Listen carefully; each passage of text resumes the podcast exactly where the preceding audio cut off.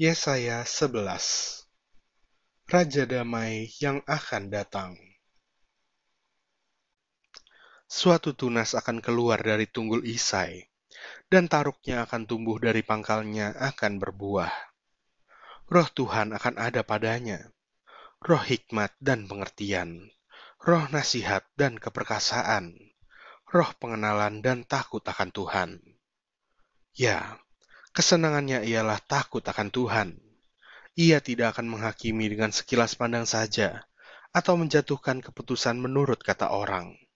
Tetapi ia akan menghakimi orang-orang lemah dengan keadilan, dan akan menjatuhkan keputusan terhadap orang-orang yang tertindas di negeri dengan kejujuran.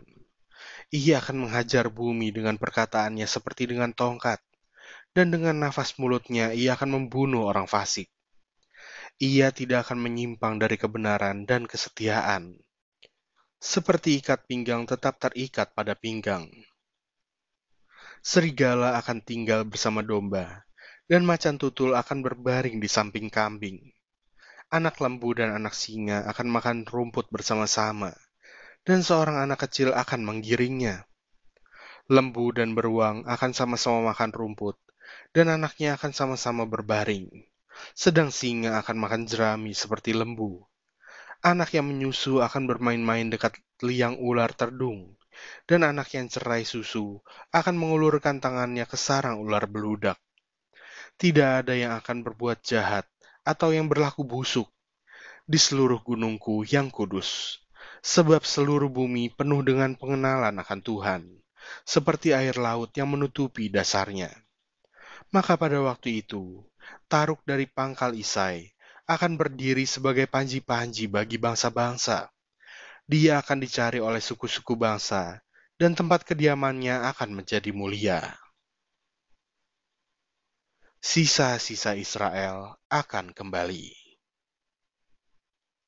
Pada waktu itu, Tuhan akan mengangkat pula tangannya untuk menebus sisa-sisa umatnya yang tertinggal di Asyur dan di Mesir, di Patros, di Ethiopia, dan di Elam, di Sinear, di Hamat, dan di pulau-pulau di laut.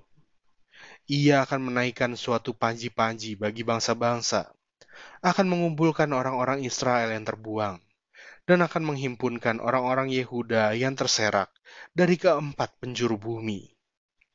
Kecemburuan Efraim akan berlalu, dan yang menyesakan Yehuda akan lenyap. Efraim tidak akan cemburu lagi kepada Yehuda, dan Yehuda tidak akan menyesakkan Efraim lagi. Tetapi mereka akan terbang ke barat, ke atas lereng gunung Filistin. Bersama-sama mereka akan menjarah Bani Timur. Mereka akan merampas Edom dan Moab, dan orang Amon akan patuh kepada mereka.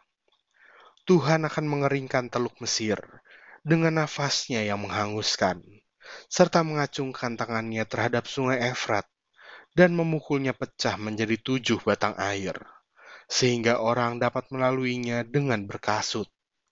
Maka akan ada jalan raya bagi sisa umatnya yang tertinggal di Asyur, seperti yang telah ada untuk Israel dahulu pada waktu mereka keluar dari tanah Mesir.